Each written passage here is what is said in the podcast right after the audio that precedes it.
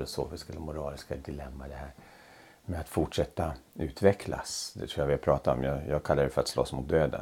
Att, Ja. inte, att inte avvecklas, inte låta sig begränsas utan snarare bli mer och, och utåt och nytt och sådär.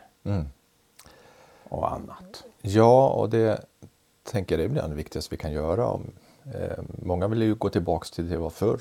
Eh, Snarare att ja, men tänk om jag gick tillbaks och kunde vara yngre och göra om allting.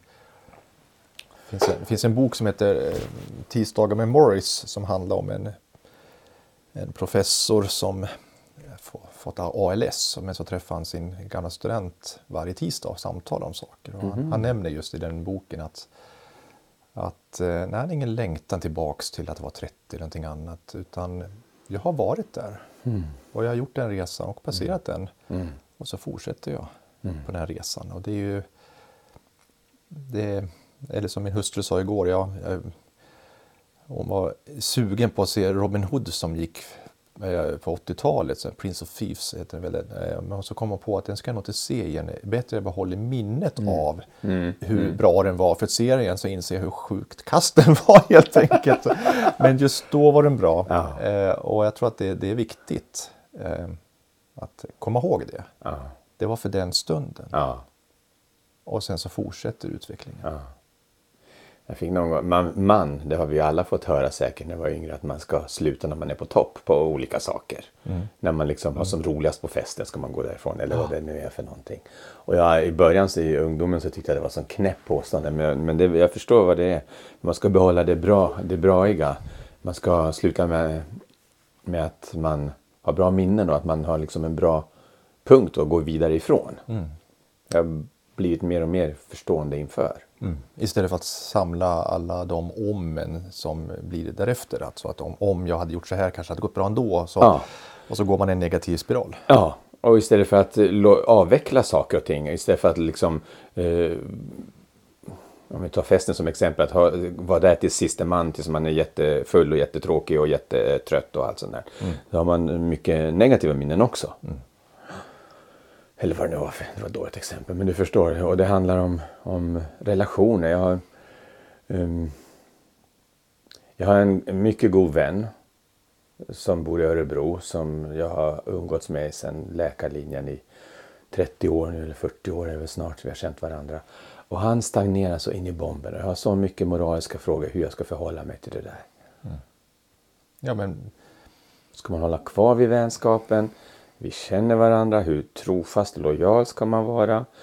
Han tillför ingenting nytt längre. Han bara liksom, jag kommer därifrån med en besk smak i munnen tyvärr. mm, ältar det gamla och allt som var. ältar det gamla och allt tråkigt. Han, han blir kverulant liksom. Det är fel på allting. Mm. Det var bättre förr. Det var bättre förr. Ja. Det är problematiskt med det var bättre förr för att det finns inte så mycket kvar av förr. Nej, det finns ju inte det.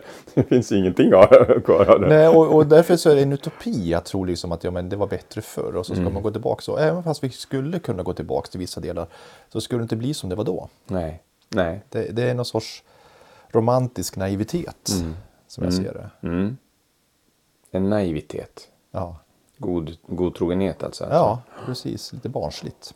En längtan. Är inte det också, alltså en- tillbaks till förr, är inte det också längtan till ett Lost Paradise, Paradise Lost? Ja, visst. Det är det. Och det. Däremot kommer det nya paradis. Eh, men de finns ju inte ens i föreställningsvärlden utan de kommer Nej. när de kommer. Ja, exakt. Och, och det är det som är så problematiskt. För att vi kan alltid komma ihåg våra, våra tidigare erfarenheter och relatera till dem. Men vi kan ju klart inte Nej.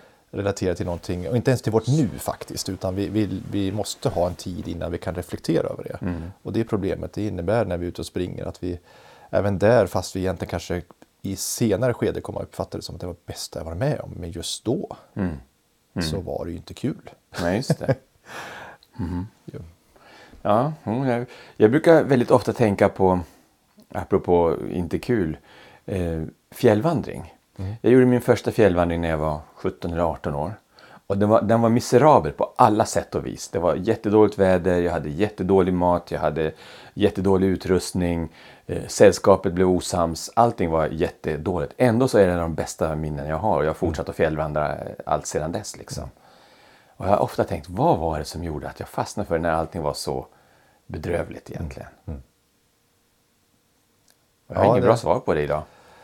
Nej, och precis. Och om vi inte ska eh, anknyta till vår löpning, vad är det som ändå att vi gör att vi fortsätter? Ja, det är Eh, trots att vi där. har haft så mycket skador och problem och, Ja. och skavsår och kräkts och allt. Ja. Alltså, Skulle man berätta allt vad man är med om så skulle folk men vad håller du på med? Det är, Ja. ju, det är helt galet egentligen. Ja. Och ändå så är det så viktigt. Ja. Det är intressant att det kan bli så. Ja.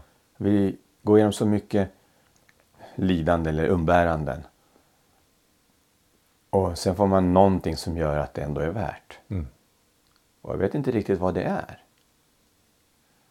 Visst, man kan vara glad att man har kommit i mål och att man har klarat en prestation. Ehm, Men räcker det? Alltså är det förklaringen? Jag klarar av att lida mig igenom 90 kilometer eh, Ultravasan. När jag sprang min första Ultravasa, det var en halva. Jag var så trött. Kom ihåg att jag trodde inte jag skulle komma. Det fanns en liten bro på slutet som man skulle över. eh, Ganska brant också. Ganska brant den där. Jag tänkte, den där kommer jag aldrig upp för. Jag var så slut och där sprang jag 45 kilometer. Och jag tyckte inte det var roligt någonstans. Nej. Men ändå så idag så tycker jag att ja, jag vill fortsätta springa. Ja, vi har... Där har vi kort minne däremot. Ja, är det, är det det som är i verkan? Att man glömmer det tråkiga och kommer ihåg dem? Ja, men det är väl så vi sållar. Vi är, väl, Ja. Det är väl snarare hur, nu pratar vi hur kognitivt vi tar in det och, och bevarar de här uh, erfarenheten också. Mm. Och det är klart, det kanske en självbevarelsedrift om vi hade um, kunnat minnas i detalj allt elände så hade vi inte fortsatt, definitivt inte. Nej, det är möjligt. Det är möjligt att det är så. Men det här är väl ett poddavsnitt vi håller på med? Ja, välkomna till Löparens själ. Ett nytt avsnitt. Årets första avsnitt av Löparens själ 2022. I samarbete med Sweden Runners. Och eh, idag har vi tänkt att prata om lite diverse saker. Bland annat att det har gått ett helt löparår 2021. Och jag tänkte fråga dig Janne. Vad, vad har du för minne av 2021? Vad är det du tar med dig? Jag delar nog som många andra gör att ja, men helt plötsligt fanns det möjlighet att kunna få träffas igen och få möta de här personerna som man tycker så mycket om i olika löparsammanhang och inte minst tävlingar att de också kunde komma igång. Det tror jag det var viktigt. I, I övrigt kan jag tycka att det var ett ganska dåligt löparår för egen del. Personligt så känner jag mig inte nöjd med det. Men å andra sidan så har jag börjat omvärdera det till att det, men det var nog viktigt mellanår helt enkelt. Jag, jag behövde nog ett mellanår. Och med det sagt så jag har ju sett nu, nu har alla äh, lagt ut sina Strava eh, årsresultat här. Jag vet inte om du har sett det också. Nej. Att, eh, man kan på Strava kan man få en sammanställning av hur mycket man har gjort och hur många mil man har sprungit. Och, Okej. Jag har hunnit med en hel del mil ändå. Ja. Men eh, kanske inte så många kvalitetsmil. Snarare kanske det, det är verkligen kvantitetsmil. Och det, det är skillnad på det. Ja, okej. Du då? Hur har ditt år varit? Jo, mitt löparår personligen har varit helt fantastiskt. Jag har gjort... Jag har lyckats med allting jag företagit mig under året, vilket också är ovanligt. Och um, jag har gjort en massa utöver det, så jag har haft ett helt fantastiskt lopp. Jag brukar tänka, eller år, jag brukar tänka på det här vi pratade om innan coronan, att vi funderade på hur det skulle bli när corona släppte. Om det skulle bli en champagneeffekt, allting skulle hända eller om det skulle bli eh, liksom en avslagen stämning. Och jag tror att eh, man kan nästan säga att det har varit en champagneeffekt.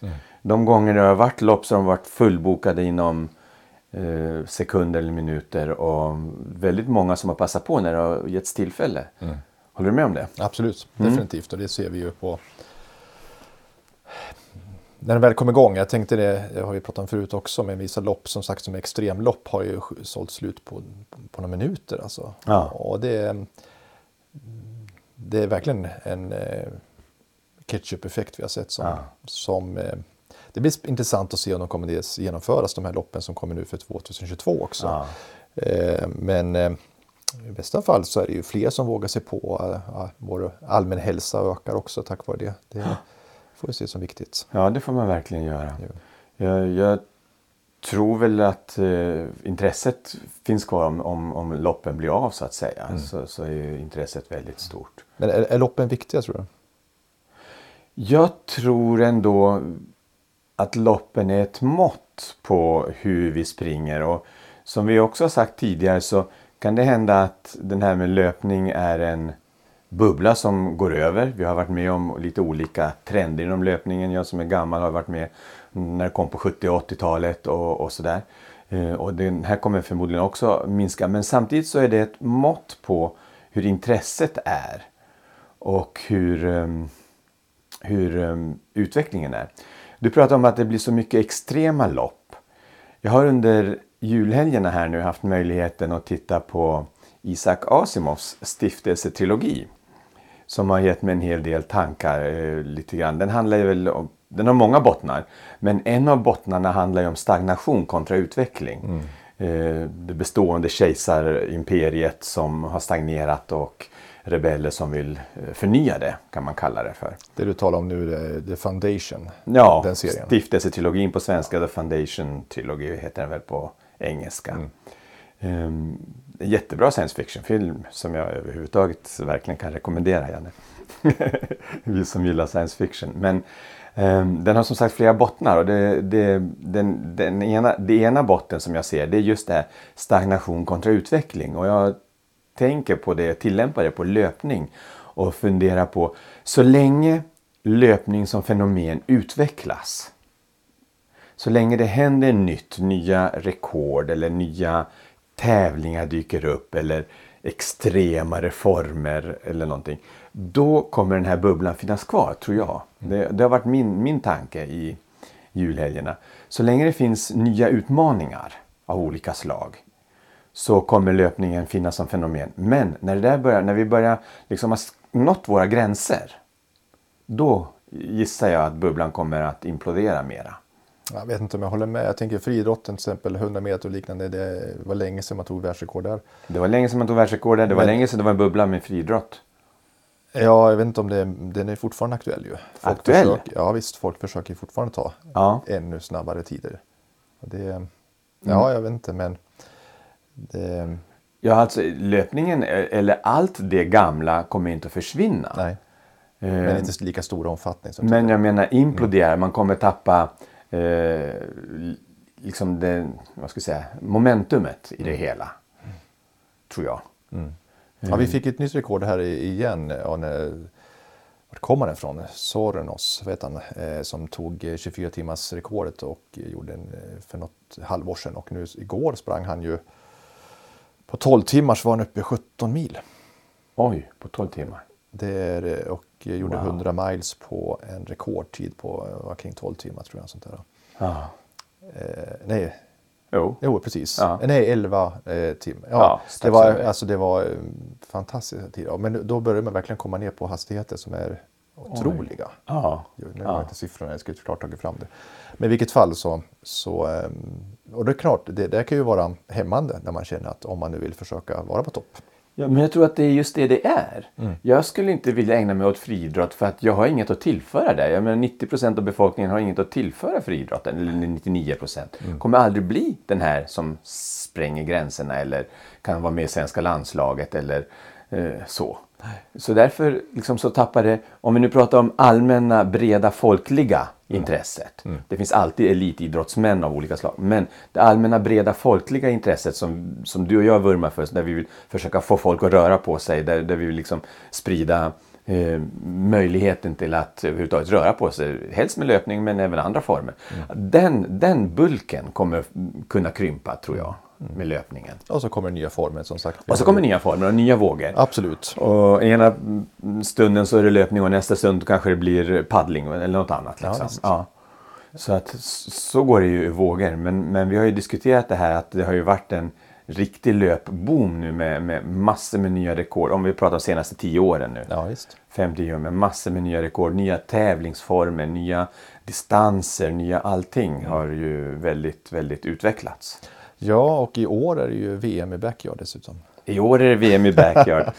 det blir väldigt spännande att se hur Ja, men det, det ska bli gå. spännande. Jag, jag, ser verkligen fram emot eh, att se vad, vad, vi får fram för lag och inte minst de här fyra kommande silverticketloppen som vi har.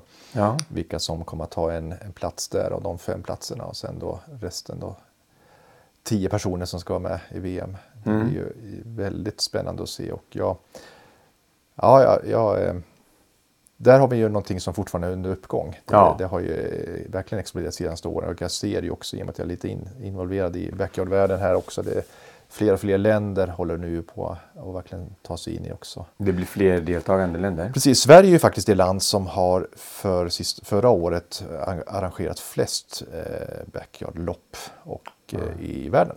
Aha. Så att vi ligger väldigt högt där eh, före USA. Okej. Så att, eh, Till och med före USA. ja. Oj. Så det, det, är, det är roligt att vi blir... Mm. Och det är ju, det är, jag, jag tror det är folksportgrejen. På samma sak, orientering blev ju en folksport. Och skidåkning också en folksport. Och vi är ett litet land men vi har en, en som tradition av att göra saker som är till för alla. Ja. Det tycker jag om. Ja. Och det tror jag Backyard kan också. Det är det som appelleras eh, till för många. Att kunna vara, jag kan vara med fast jag är långsam. I Sverige så har vi en medelklass som värdesätter just den där hälsoaspekten av, av saker och ting väldigt mycket. Jag vet inte om det kan vara en förklaring till varför vi är så framme i, i de Ja. här sakerna. Ett tag till förhoppningsvis i alla fall. Ja, ett tag till. Ja, ja. Sen har vi ju inte 280 miljoner invånare som USA har, men, men, men eh, vi har som sagt en hälsomedveten befolkning ändå, Ja, relativt många länder. Så att, ja, vi får se vad som händer. Men, men visst är loppen viktiga, definitivt. Ja, de. för att kunna mäta och... och Ja, och för att samlas. Jag tror det är en gemenskapen som jag återkommer till gång på gång också. Ja. Eh, väldigt viktig. Och jag tror många som bara, jag vill åka dit och träffa för att få träffa den där personen som jag har sett eller följt och vet om att vi ska på samma tävling. Och, och, och det är ju väldigt roligt att se vid starter att jag plötsligt kommer går man runt och hälsar på folk som man har hört talas om och det är ju fantastiskt roligt att få. Då kommer du in automatiskt på en spaning som jag har gjort.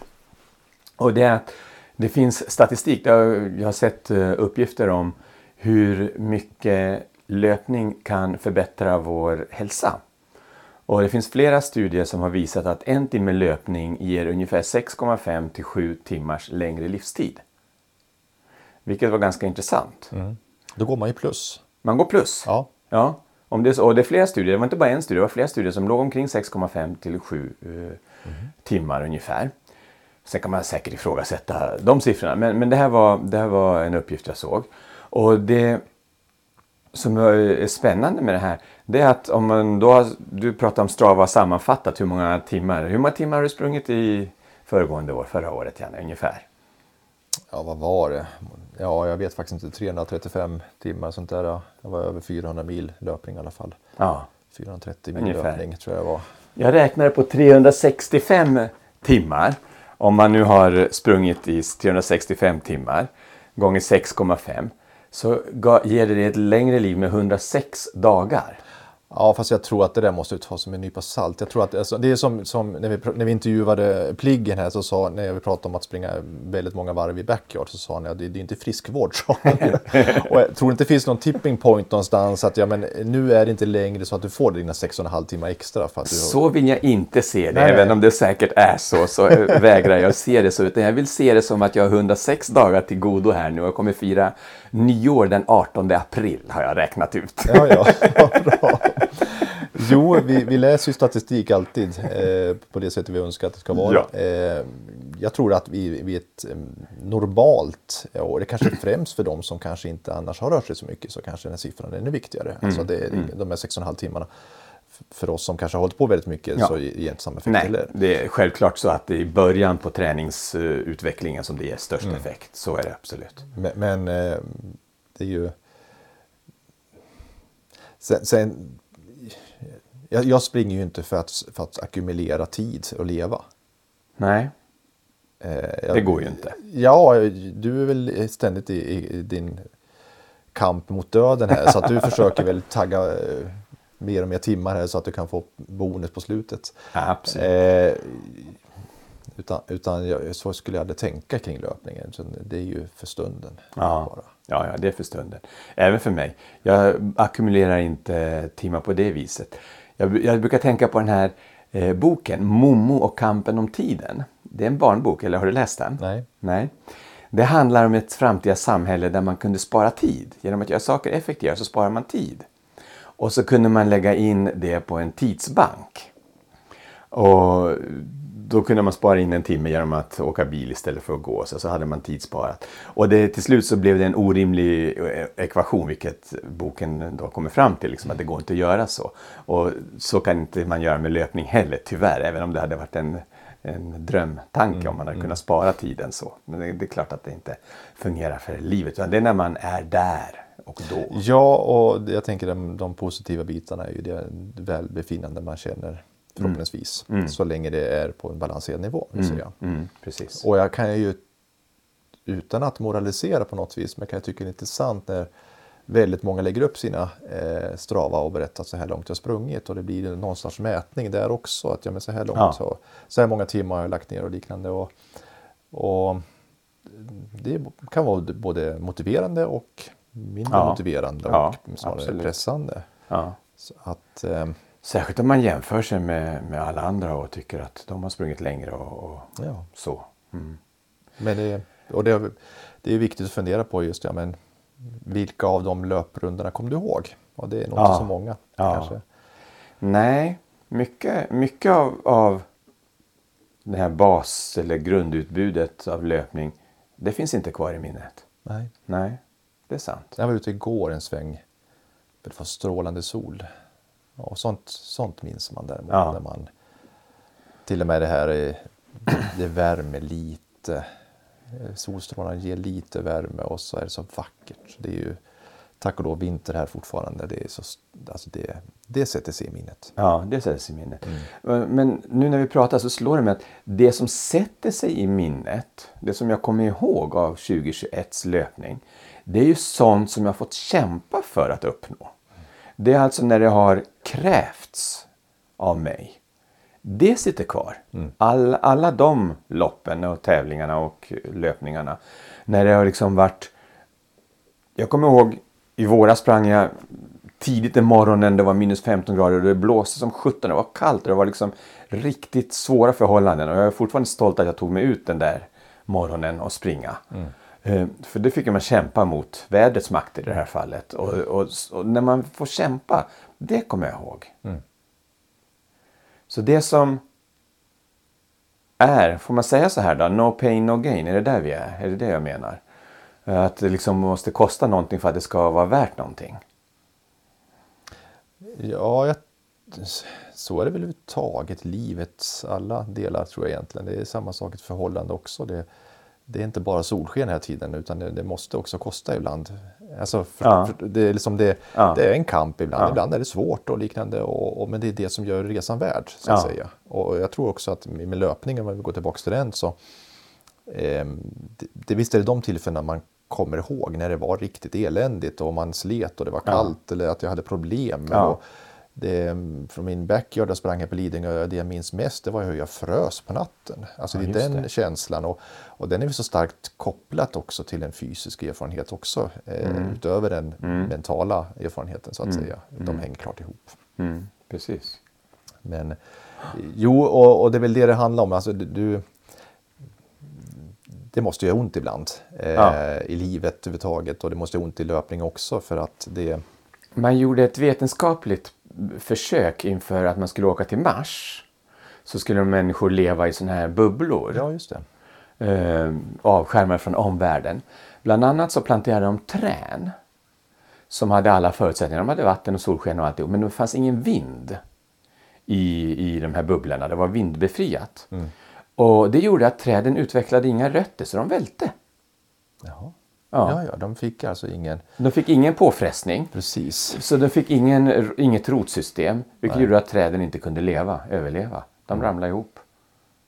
Och det är tänkvärt. Det, det tyckte jag var så symboliskt att det måste till påfrestningar för mm. att det ska fungera. Det finns ett ord för det där, resiliens brukar man prata om mycket och det innebär just då, det med, med, med metaforen att ja, men det är ungefär som ett ett träd eller fjäll, fjällträd som står och pinas men det klarar av ändå. Det, det, det böjer sig med vinden men sen ja, när vinden tar av så, så rätar det på sig igen. Alltså. Och, ja. och det här handlar om resiliens. Alltså vi, vi böjer oss för, vind, för krafterna som finns men ja. vi, vi kommer igen alltså, och vi hanterar det på olika sätt.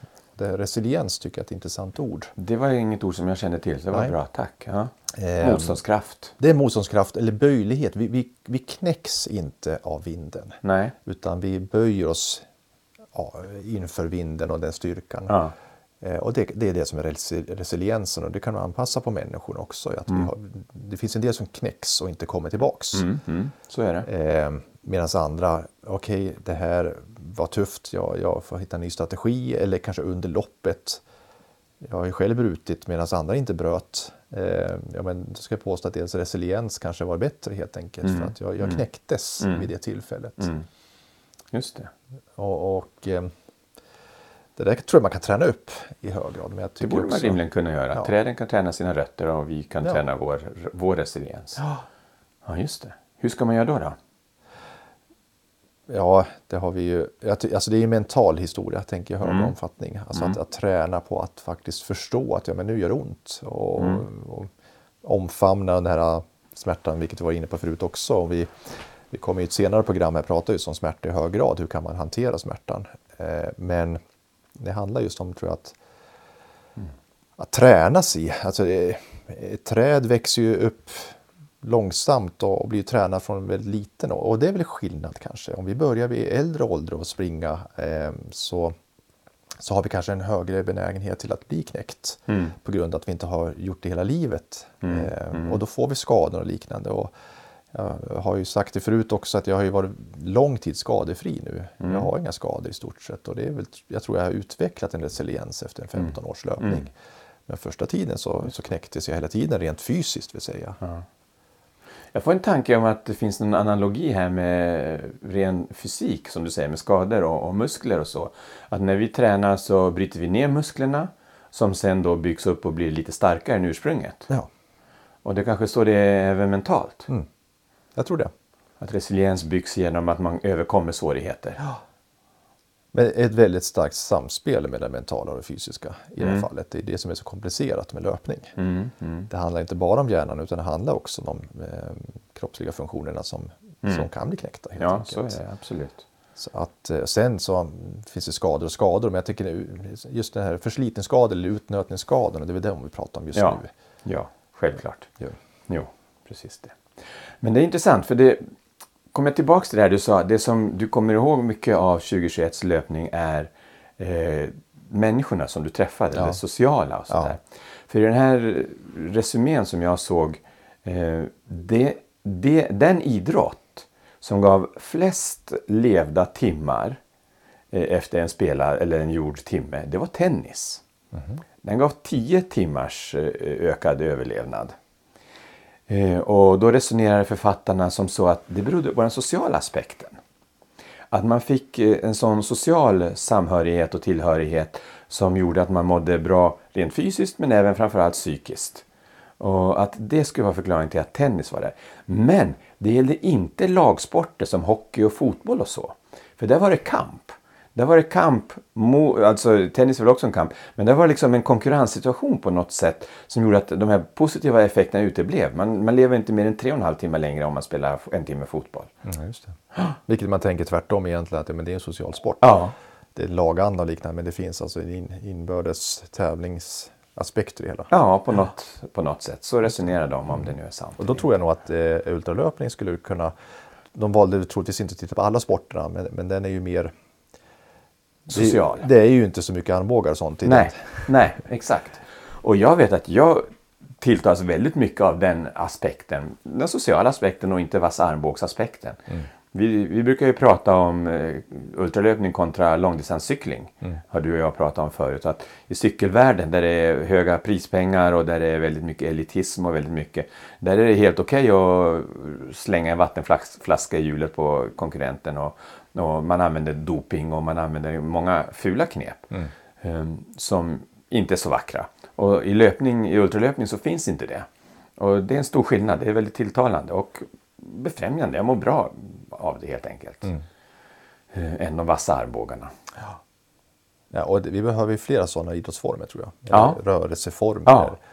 Ja, Det, exakt. och jag tror att som sagt orientering skulle kunna vara en sån sak också egentligen. Det finns Ja. elitfält givetvis men så finns det Nej, men orientering är absolut Mm. en sån. Då. Det finns många potentiella och många möjliga sådana fält. Men det talar återigen för det här liksom, när, om man nu tar cyklingen, att när man har gjort någonting till sin fulländning eller man vinner kanske några sekunder där i stort sett. Det är en färdig form av träning. Det utvecklas inte lika mycket längre. Det är inte lika stort heller som löpning är till exempel. Eller något annat.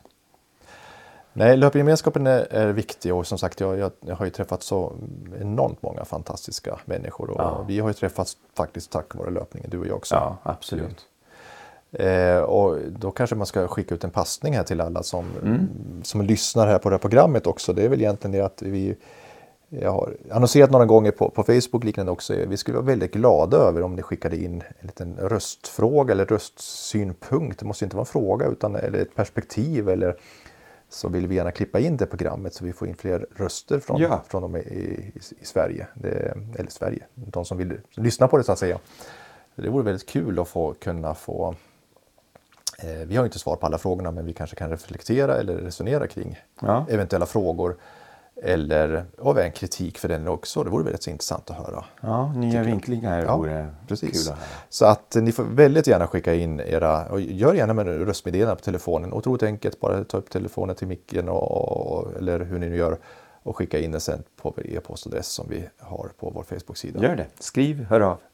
Så. Ehm, en annan sak som jag tänkte fundera lite över. Det här är, ligger dig nära hjärtat, tror jag. Det är att när vi är 20 år så är det väldigt många av oss som tränar. De flesta, eller ganska många, 20-åringar är fysiskt aktiva på olika sätt. Kanske inte de flesta, jag vet inte, men många. Sen blir vi statistiskt mindre och mindre aktiva tills vi är 40.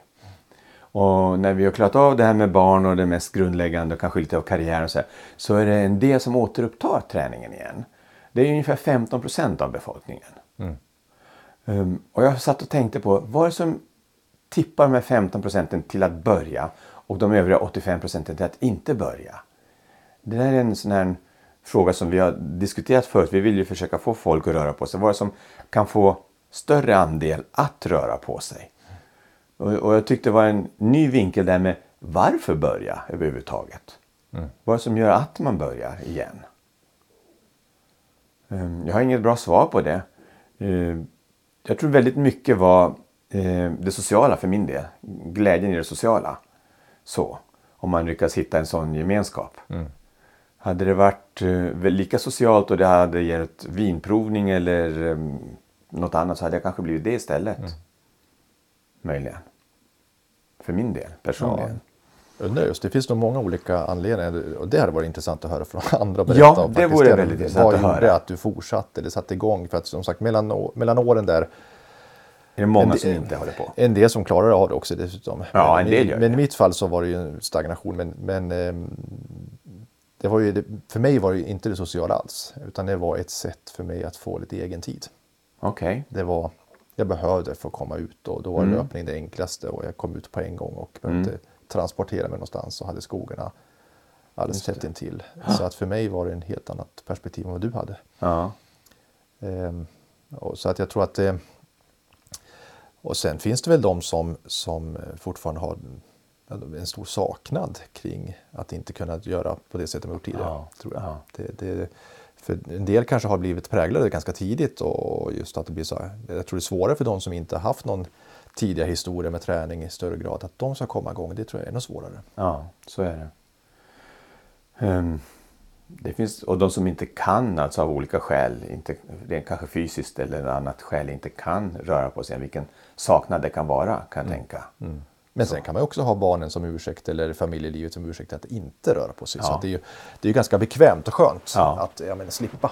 Ja, Så att, eh, det är väl fortfarande för mig tycker jag det är ganska ofta en kamp att ta sig ut. Alltså rent mentalt. När man Mm. väl tar sig ut och det efter 100 meter känner man wow vad skönt. ja. Men ändå så har man så dåligt minne och tycker att ja, men det var ju skönt att vara kvar inne. Ja. men det är 17 grader kallt ute, ja, men jag kanske ska strunta i det. Ja, ja, Du vet ju om att när du väl kommer ut så är det skönt. ja.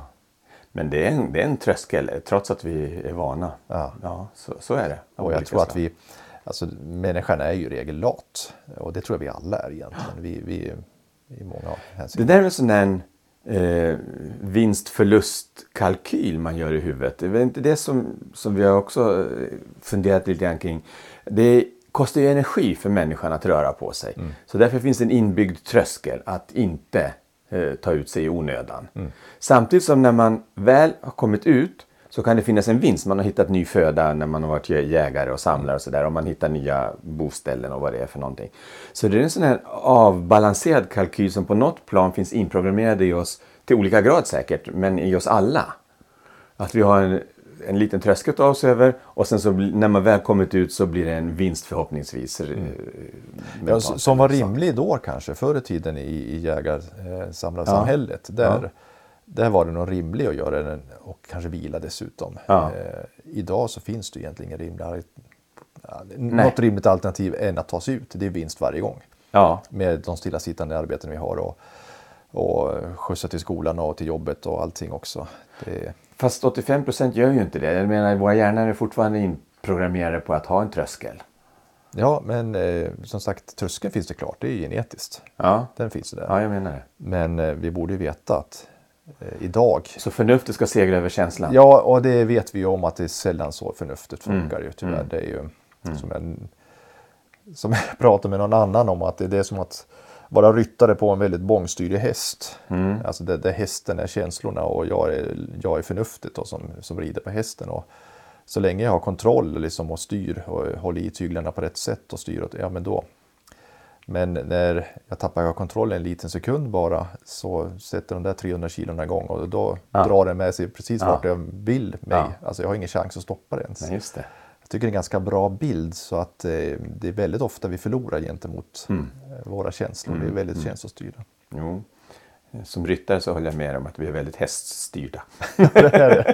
jag själv kan jag inte rida så jag, jag vet inte vad jag pratar om men jag vet att jag skulle bli draget med eller avkastat direkt helt enkelt. Ja. ja, så är det. Får jag helt byta ämne? För jag tänkte berätta om en upplevelse jag var med om igår kväll. Som var, kan vara nyttigt och, och, och i alla fall funderat till kring. Jag var ute och sprang. Och jag var ute och sprang off-pist, alltså i obanad terräng utan stig eller någonting. Och plötsligt så locknade min pannlampa. Och det var ju lite månsken och det var ju klart så man såg ju lite grann i alla fall men man såg inte så mycket. Men det som var väldigt förvånande är att efter en stund så var jag helt vilsen. Och jag började leta hur sjutton ska jag ta mig hem. Jag ville inte titta på mobilen, det hade jag kunnat gjort. Och sen såg jag människospår. Så jag började följa dem. Och sen insåg jag att det var mina egna spår. Jag hade börjat gå i cirklar. Och det där gick så fort. Det är det jag vill egentligen förmedla. Vad otroligt fort jag blev desorienterad. Jag tycker jag har ett mycket gott lokalsinne. Jag tycker att jag är van att vara i, skog och mark. Kom helt oväntat. Och jag började gå i cirklar redan efter bara ett par hundra meter. Det var en tanke som jag inte var beredd på. Så jag var tvungen att ta fram mobilen och kolla vad jag var för att kunna ta mig ur den där loopen. Det vill jag liksom ha som en tanke att de- du kanske man ska träna på på något sätt och öva sig på det där. Ja, du sprang ju vilse även när du sprang Höga Kusten för två år sedan på sommaren. Ja, då, det gjorde jag. Eh, Det var väl lite trötthet där också kanske. Men när du- Markerad och tävling och allting. Ja, det, och du vände tillbaks och sprang på samma stig tillbaks som du just hade kommit till Ja. från. Ja. Ehm, och det där är inte, nu var det mörker och du var lite trött också, men, men- Ja. eh, säkert. Men eh, jag har också upplevt just det där att man känner att men, jag, jag borde komma ut där eller jag borde vara där och så är man helt ja. fel ute. Jag kommer att tänka på det här apropå din prat om känsla. För förnuftet säger en sak och känslan säger något annat. Mitt förnuft säger att jag ska gå ditåt när jag tittar på mobilen. Och min känsla var inte med för fem öre. Jag ska inte alls ditåt. Min känsla sa ett helt annat håll. Och det var så svårt. Det krävdes verkligen en ansträngning att komma över förnuftet och säga att mobilen har rätt. Det, det var inte lätt. Nej, och jag tänkte det. Jag, jag sprang off-pist här i Grövelsjön för några dagar sedan också. Ehm, och ehm, jag sprang med tillsammans med, med Axel och, och, och där ehm, pratade, eller främst Axel som pratade om och sa att ja, men skulle man få problem här så är man lite illa ute. Alltså man blir snabbt nedkyld i snön och allting också och det blåser och det är fjäll och liknande.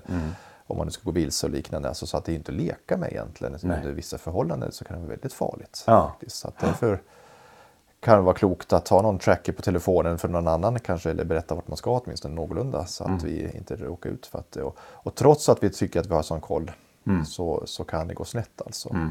Verkligen. Det finns ju flera faktorer som, gör, som påverkar det, givetvis. Men Eh, En slutsats man kan dra av det är att ha med reservlampa. det är en bra idé, precis. Jag, eh, det, det, jag är inte förvånad Kalmar att din dog. Jag tänker och, och just den där, din bångstyrlighet. Nej, jag ska inte kolla på telefonen heller. Jag ska klara mig själv. Ja men det var verkligen så. Jag måste öva på min orientering. Jag måste klara mig själv. Utan Ja. lampa och så får du en Ja. kvist i ögat och då... Nej då, det är ingen fara. Nej, Så. vilken tur. Men det är helt rätt. Ja hörni, det kanske var vad vi hade för idag. Ja, vi, någonstans, jag vet inte om det var eh, rekapitulation vi höll på med eller vi blickade framåt, men, men eh, eh, några intressanta spår tyckte jag vi Mm. berörde. Mm. Och eh, sen om vi kommer att leva några timmar extra för vår löpning, det återstår att se. Det återstår att se. Men det får vi hoppas och det tror vi på. Det tror vi på. Jag tror att jag tror samtal på det här viset och som vi var också inne på förra gången, prata om vila. Just det tror jag är någonting som gör att vi människor lever längre också. Att vi får möjlighet att få pröva varandras tankar och funderingar och inte bara springa tillsammans. Nej, precis. Men vi kommer springa mycket. Det blir ett spännande 2022. Det blir väldigt spännande, det ser vi fram emot. Ha det gott där ute. Löp väl och kom ihåg att ha roligt. Tack. Tack!